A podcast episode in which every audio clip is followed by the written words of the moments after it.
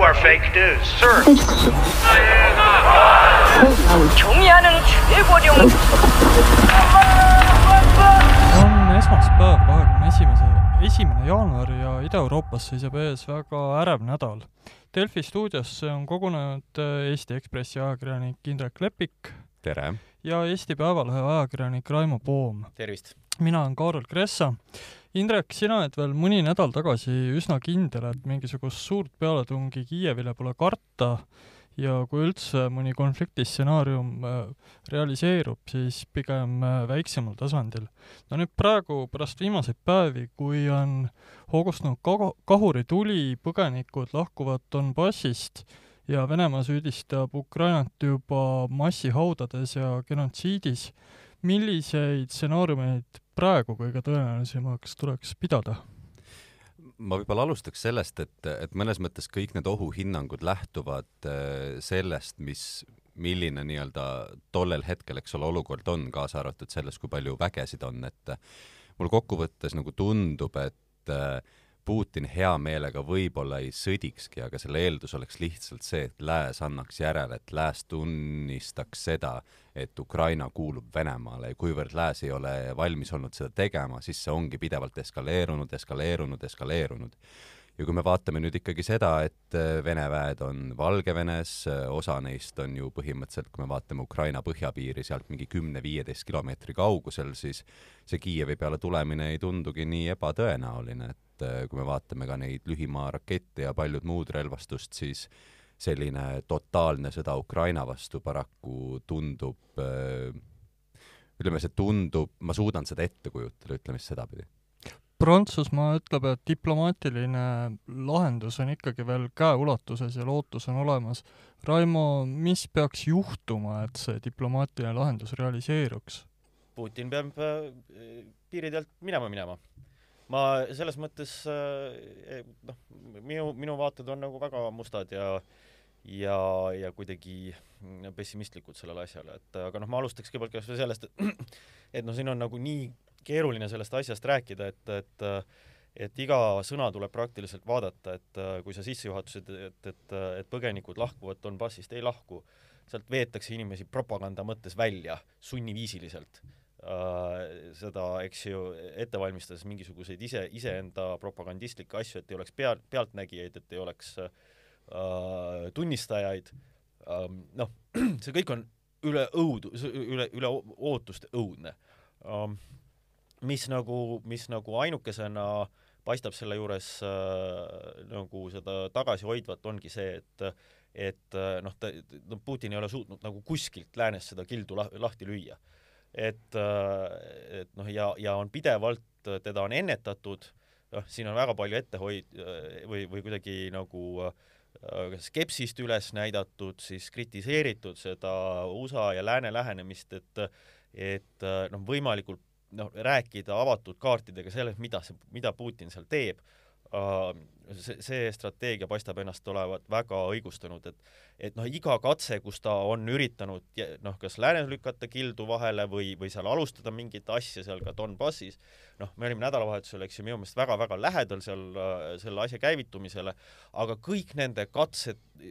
noh, nad vajaksid ikkagi mingisugust niisugust legitimise-, legitimeerimist, nad, nad nähtavalt ootavad seda, et et nüüd keegi siis nagu läänes läheks, läheks kärbsepaberile, jääks kinni sellesse, hakkaks siis äh, uskuma seda, et seal, äh, seal ma ei tea, Ukraina pommitab ja sellepärast tuleb inimesi välja vedada või või et mingisugune, et keegi korraldab nende mingisugusele äh, šefile seal mingisuguseid terroriakte, eks ju, noh, kõik kõik, kõik on näha minutitega, kuidas on lavastatud, üles ehitatud propa-,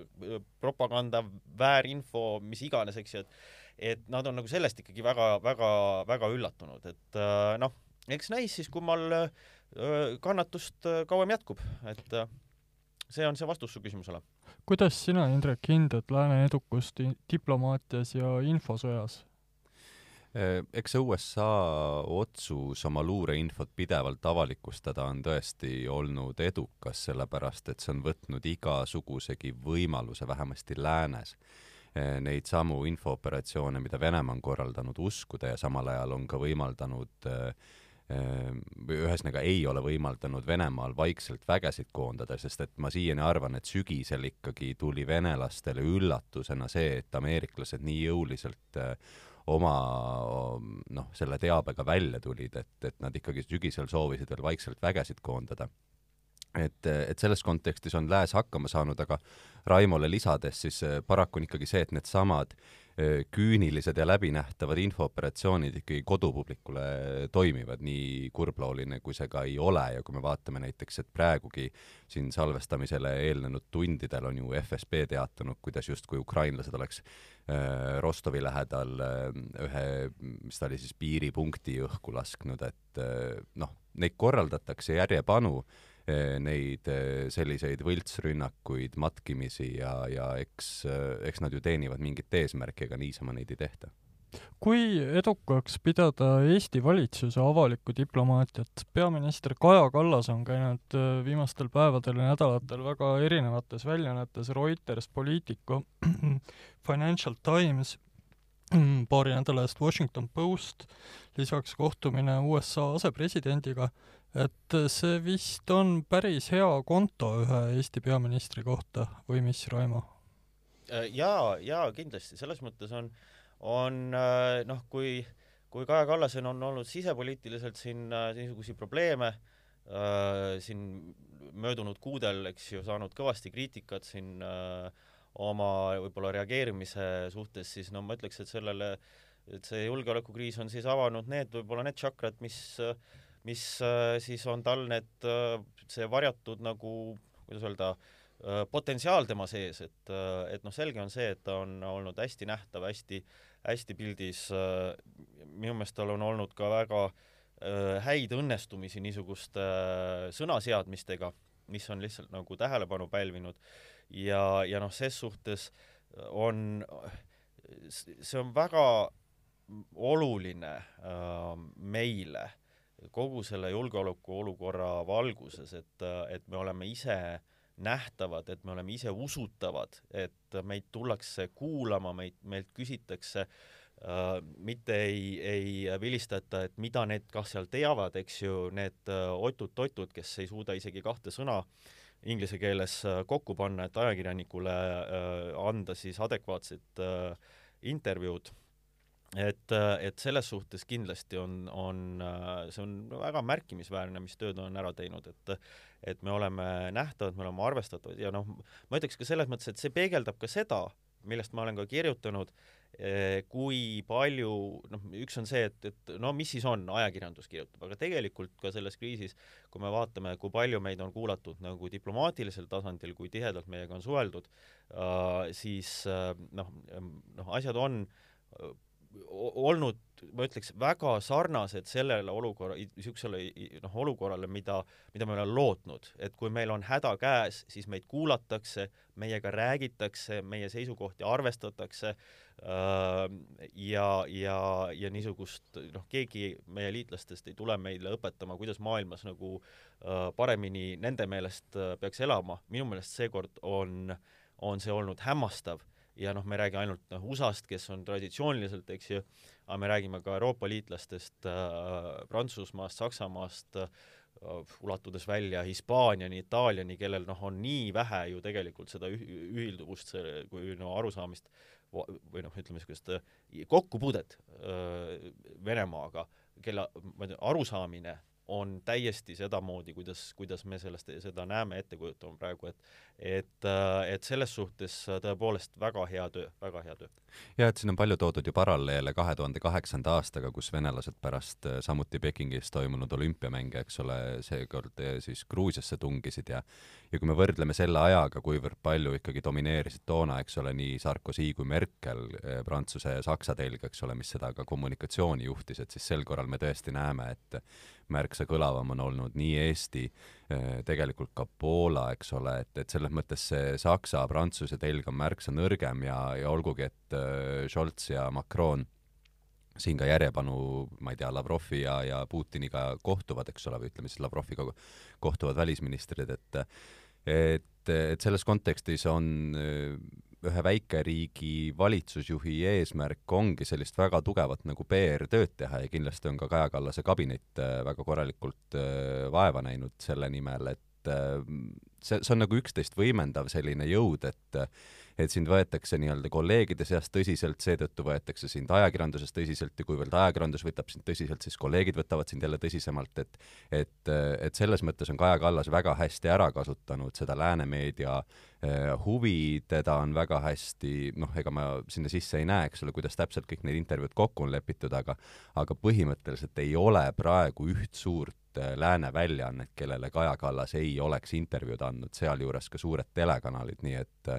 et äh, selles kontekstis tõesti saab kiita. aga seal ongi, ma ütlen, et see on niisugune, aga see on ka meie kohus, et, et me peame rääkima, sest et noh, see ei ole mitte ainult, et oo, näete, Lääne väljaandes ilmus, vaid selle, see tähendab ka seda, et tegelikult me harime neid samu äh, ühiskondi, noh, kes võib-olla siiamaani on neid julgeolekuprobleeme teistpidi näinud, Saksamaad või,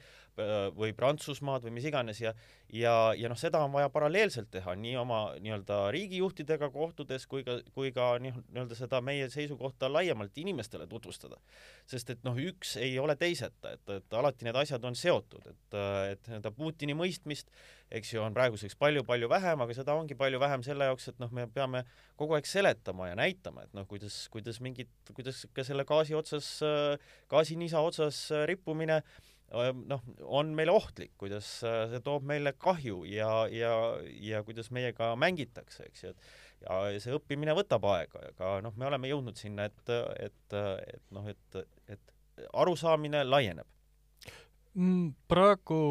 seisavad kümned või isegi sajad sõjamasinad juba Ukraina piiride taga põldude peal, sõdurid magavad seal sees või magavad mingites äh, raudteejaamades väga ebamugavates tingimustes, tundub, et nad nüüd väga pikalt ei saa sinna ootama jääda. aga millised võiksid olla need äh, nii-öelda suitsusignaalid, mis viitavad, et asi läheb tõepoolest tõsiseks? kas me peame selleks ära ootama mingi Vladimir Putini pöördumise või võib juhtuda ka see, et Donbassis näiteks plahvatavad salapäraselt mingid elumajad või toimub midagi muud sama koledat? No täna ehk siis salvestamise päeval äh, kohtub ju nüüd Vene see julgeolekunõukogu, mis tegelikult on see otsustusorgan, mis Putini ümber nagu see, neid asju, eks ole, äh, tõepoolest otsustab seal riigis, et, et see, mida nemad seal räägivad ja mida nad seejärel teevad, on kindlasti Äh, märgiline, aga ütleme juba enne neid viimaseid päevi oli, oli selge, et kui Ida-Ukrainas äh, läheb paugutamiseks, siis see on juba esimene etapp ja see etapp on käima läinud, äh, sellele ju eelnesid tegelikult küberrünnakud, mis samamoodi sellesse nii-öelda sündmuste jadasse sobitusid ja mida ka ameeriklased ütlesid, et nii need asjad lähevad, et et minu meelest nüüd on küsimus eh, laias laastus selles, et kas me näeme üksnes Ida-Ukrainas eskalatsiooni või järgneb sellele kohe sealt ülevalt Valgevenest Kiievi suunal liikuvad väed, ehk siis kas tehakse sellist blitzkriegi ja püüdakse nii-öelda korraga ja väga palju võtta või, või tehakse natukene üle, üle selle idapiiri, et, et selles kontekstis minu nagu selline mure või, äh, või hirm, ma ei oskagi öelda, mis emotsiooni täpselt äh, kirjeldada, aga et on, on selles mõttes läinud nagu tõsisemaks, et kui me vaatame lihtsalt seda vägede hulka seal Valgevenes ja, ja et nad jäävad sinna tõesti paika, eks ole, noh, Valgevene allutamine Venemaale on veel omaette jututeema, aga aga, aga on ilmselge, et jah, need äh, Äh, sisuliselt Ukraina piiri ääres äh, raudteejaamas äh, magavad sadakond sõdurit ei, ei tulnud sinna niisama, et küllap nad plaanivad edasi liikuda, et jah, ma, ma ootaks esimest eskalatsiooni idast, aga, aga praegu paistab tõepoolest, et ka ülevalt Valgevene poolt hakatakse liikuma. Omaette küsimus on see, et kui näiteks need Vene tankid ei tungi Ukraina vägedele kallale, vaid lihtsalt tulevad üle piiri ja jäävad sinna Donbassi konfliktijoonele pidama, siin tekib küll küsimus, kas see võiks olla see, mida Joe Biden ebaõnnestunult nimetas väikeseks sissetungiks ja ei toogi mingisuguseid sanktsioone kaasa esialgu, samal ajal kui Ukraina ja ka näiteks Leedu on öelnud, et sanktsioonid võiksid juba praegu hakata mingit pidi kehtima otsast. selles mõttes, et no Vene tehnika on ammu seal sees, seal ei ole mingisugust probleemi, et see, see noh, kui me ida, idast räägime, me ikkagi räägime sellest, küsimus on selles, kas nad plaanivad mujalt sisse tulla. Äh, mis puudutab sanktsioonidesse, siis no see on, see on nagu eraldi teema, mis on minu meelest noh, mis muutub aina akta-, aktuaalsemaks ja mis peaks muutuma aina aktuaalsemaks, et kaua me nüüd ootame äh, seda, et, et noh, tegelikult selle survega, no olgem ausad, eks ju, me, me, me ju näeme seda, kuidas Ukraina majandust lõhutatakse äh,, siis me näeme kogu seda argpükslikku äh, lääne ettevõtete käitumist ja noh, seekord, seekord me ei räägi mitte riikidest, vaid me räägime ettevõtetest. No eelmine nädal, eks ju, oli see Hollandi KLM, kes teatas Ukraina lendude peatamisest, nüüd järgnesid Lufthansa, siis SAS, täna no, Air France. Air France, eks ju, no see selline munadeta käitumine, no täiesti aktsepteerimatu, selles mõttes, et, et siin äh, kui, kui nüüd ei räägita sellest sanktsioonide paketist ja selle eelnevast rakendamisest, siis no vähemalt pariteetsuse alusel tuleks nõuda, et need ettevõtted lõpetavad kõik ja kohe ja samaks ajaks oma lennud ka Venemaale. Uh, see, sellele, see, sedasi Ukraina karistamine uh, ja Ukraina rahva karistamine, inimeste karistamine, kellel on vaja liikuda, uh, noh, umbes lihtsalt sellepärast, et, et noh, me ei tea, mis saab Äh, meil pole, meil pole mingeid munejärgi, ma vabandan, et niimoodi väljendan, äh, siis, äh, siis noh,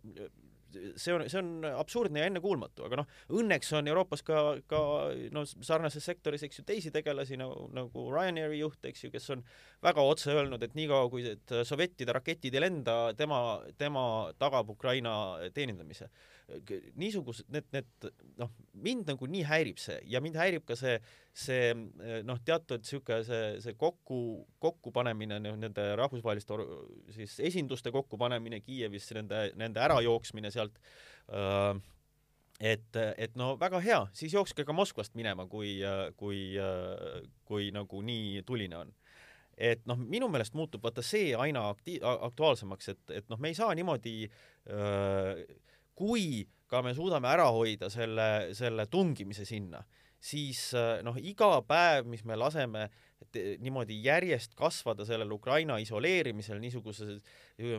munadeta äh, kapitali poolt, siis noh, see on see, mis, mis, mis toob reaalset kahju ja millele tuleks tähelepanu pöörata ja siis noh, ka vas-, kas paralleelseid või vastumeetmeid nagu rakendada, et, et see noh, kui te käitute ühte, ütlete A, siis te peate tegema ka B või, või mitte tegema seda A-d. et noh, see on minu meelest lähipäevade kõige suurem küsimus. nojah, Washingtoni ja Brüsseli äh, selgitused on, eks ole, et praegu sanktsioonide rakendamine võtaks ära nende sanktsioonide heidutuse, eks ole, et just see heidutus peaks siis tagasi hoidma ka Venemaad, aga aga tõepoolest on praegu selge, et et, et selle praeguse olukorra hoidmine on Ukrainale tõepoolest väga kahjulik, et kui me räägime sanktsioonidest, siis minu meelest on kõige mõjusam olnud ja see ei, see ei võta ära kuidagi nende eelnevat noh, nagu tegevusetust sel teemal, aga kui britid tõepoolest võtaksid ette kõik need oligarhid, kes on Londonis kokku ostnud kallist kinnisvara, kelle lapsed käivad, eks ole, eksklusiivsetes erakoolides ja nii edasi, et kui britid võetaksid tõesti nemad ette, siis see oleks äh, kõige selgem viis äh, ka Kremli äh, survestamiseks, noh mõistagi on ka Putinil ja kõigil ta lähikondsetel miljonite, kui mitte miljardite ulatus varasid üle Euroopa laiali, et kui neile asjadele pihta saaks, siis sellel oleks tõepoolest mõju, sellepärast et kui Vene majandust ennast sanktsioonide alla seada, siis noh, me oleme näinud seda juba kaheksa aastat, et ühtpidi äh,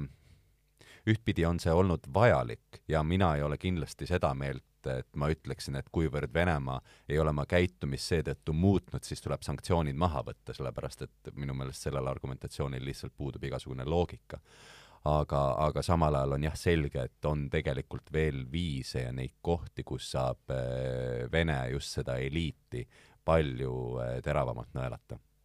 korraks selle Venemaa genotsiidi süüdistuste juurde tulles peaks märkima, et siin tundub, et äh, Venemaa nagu mängiks läbi rollimänguna sajandivahetuse Kosovo operatsiooni, äh, toob põhimõtteliselt samasuguseid argumente, mida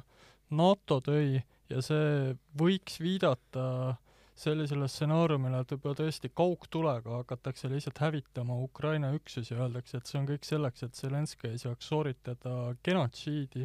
Ja sellele viitab ka Putini eilne sõnavõtt, kus ta ütles, et näete, et lääneriigid jagavad moodsaid relvi Ukrainale ja nüüd Ukraina hakkab kohe-kohe ründama tänu sellele.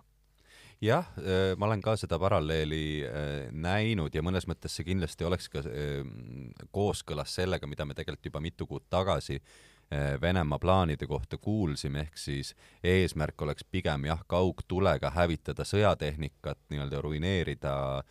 Ukraina kaitsejõude, aga, aga praegu on ka selge see, et kui me vaatame neid ähm, raketisüsteeme, mis on toodud Ukraina piiri taha, siis nende laskeulatuses on ikkagi ka Kiiev ja küsimus nüüd ongi, et äh, kas see tuli tuleks ka Kiievi pihta, mida seal tulistatakse ja, ja, ja muu see, sellega seonduv, sellepärast et et ka Venemaa poolelt on olnud kuulda küll selliste provokaatorite poolt võib-olla rohkem, et, et eesmärk olekski, nagu ma enne ütlesin, see blitzkrieg ehk siis kohe esimesest päevast, ütleme siis sellest nii-öelda sissetungi hetkest väga massiline tuli peale tõmmata ja, ja nad ise juba hindavad, et see tooks kaasa tegelikult kümneid tuhandeid hukkunuid aga lõpetuseks veel küsimus meie enda riigi valmisoleku kohta, et on ju räägitud novembrist saadik, et ka Eesti peab valmistuma erinevateks halbadeks asjadeks, olgu siis põgenike tulek, küberrünnakud, majandussurve või rändesurve või muud hübriidmeetodid. kui palju selles olukord tegelikult paranenud on nüüd praegu veebruariks, kas mingeid ettevalmistusi on tehtud?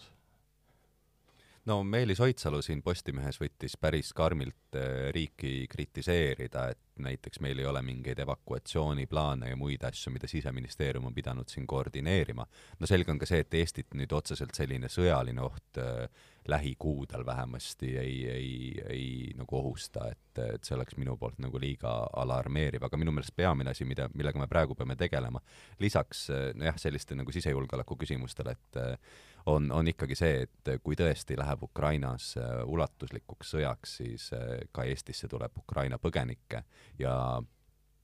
ütleme nüüd sõltumata sellest, kas Siseministeeriumi haldusalas on plaan olemas selleks ja kas me selle nagu haldamisega hakkama saame, on minu mure selles, et me ei ole riiklikul tasandil mingit avalikku dialoogi sel teemal pidanud, sest et me kõik mäletame kahe tuhande viieteistkümnendat aastat ja kui suure seakisa see paarkümmend süürlast kaasa tõi, et uh, ukrainlased mõistagi ristiinimesed, eks ole, paljude jaoks on see oluline erinevus, aga teistpidi jällegi, kui me vaatame siin ka meie parlamendierakondade retoorikat ukrainlaste suhtes, siis uh, ma küll pelgan, et uh, see võib omakorda kaasa tuua päris kõva niisuguse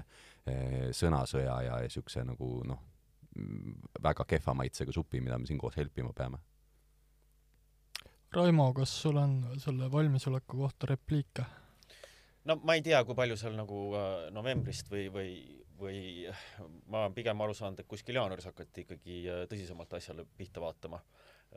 Sest et äh,, et noh, veel detsembris ei saadud ju äh, mäletatavasti aru, kui äh, piinlik on Lukašenka naftaveo jätkamine või mis iganes, see pidi olema täiesti koššer sel ajal, eks ju, mis ettevalmistustest me räägime ähm,. aga äh,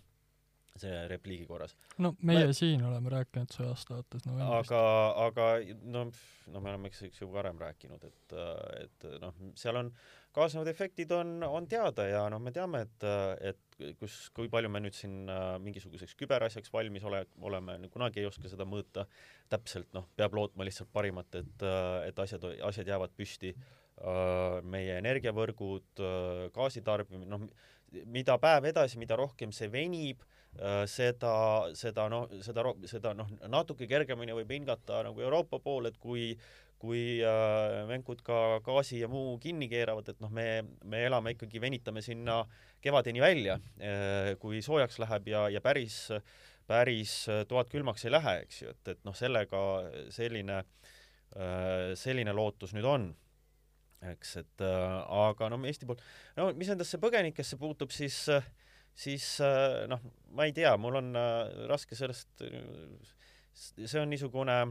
jaa, see on kangesti emotsionaalne teema äh, ja minu meelest on siin puudu eelkõige nagu seda reaalset käsitlust, mis asi, mida see endast kujutaks, mida, mida see oleks, et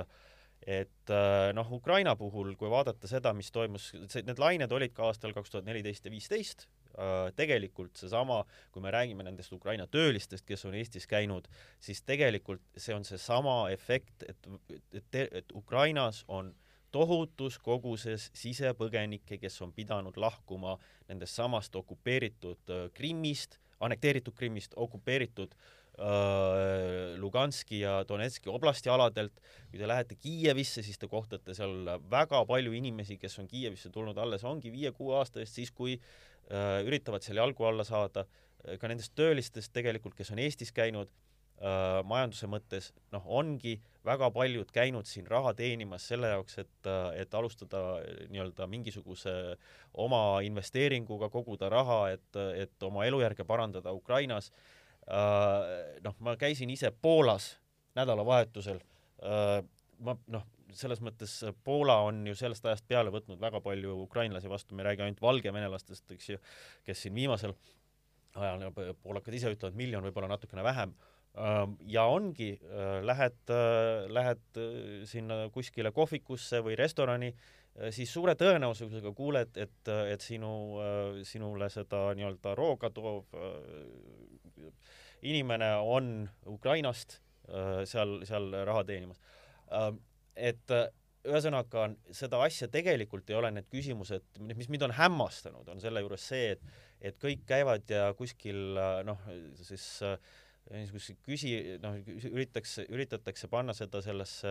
Süüria ja ma ei tea, kaks tuhat viisteist konteksti ja ja siis käia küsimas, et palju meil on nüüd põgenikele madratsiga kohti äh, kuskil koolides ja nii edasi äh,, siseministeeriumi käest või siis, või siis seal sotsiaalkaitseministrilt või äh, minu meelest see ei ole see koht üldse, kus tuleb küsida, küsida tuleb Töötukassast, palju meil on töötu, palju meil on töökohti, kus, kus me saaksime, kus vajadusel need inimesed leiaksid kiiresti rakendust. Uh,, eks ju, kas meil on uh, kas meil on uh, mingisuguseid kohti koolides, kui on vaja panna mõned uh, inimesed õppima, eks ju, et ja ja, ja noh, need on need küsimused, mida peaks küsima selle, selle juures, eks ju, et, et noh, minu meelest Äh, siin on, nagu sa ütled, puudu sellest äh, dialoogist, puudu sellest äh, seletusest, et et noh, mida see tegelikkuses või kuidas see välja näeks või, või mis võiks, mis võiks see olla, et et mis see on ja mis see ei ole, et seda võiks kindlasti olla rohkem. Nende murelike mõtetega läheme siis tagasi uudiseid jälgima. aitäh kolleegidele Raimo Poomile ja Indrek Lepikule. mina olin Kaarel Kressa ja jääme kuulmiseni.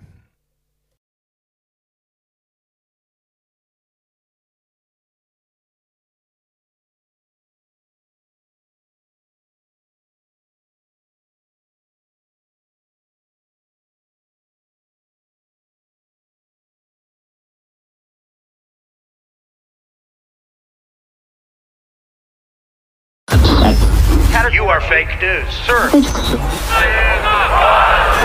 경의하는 최고령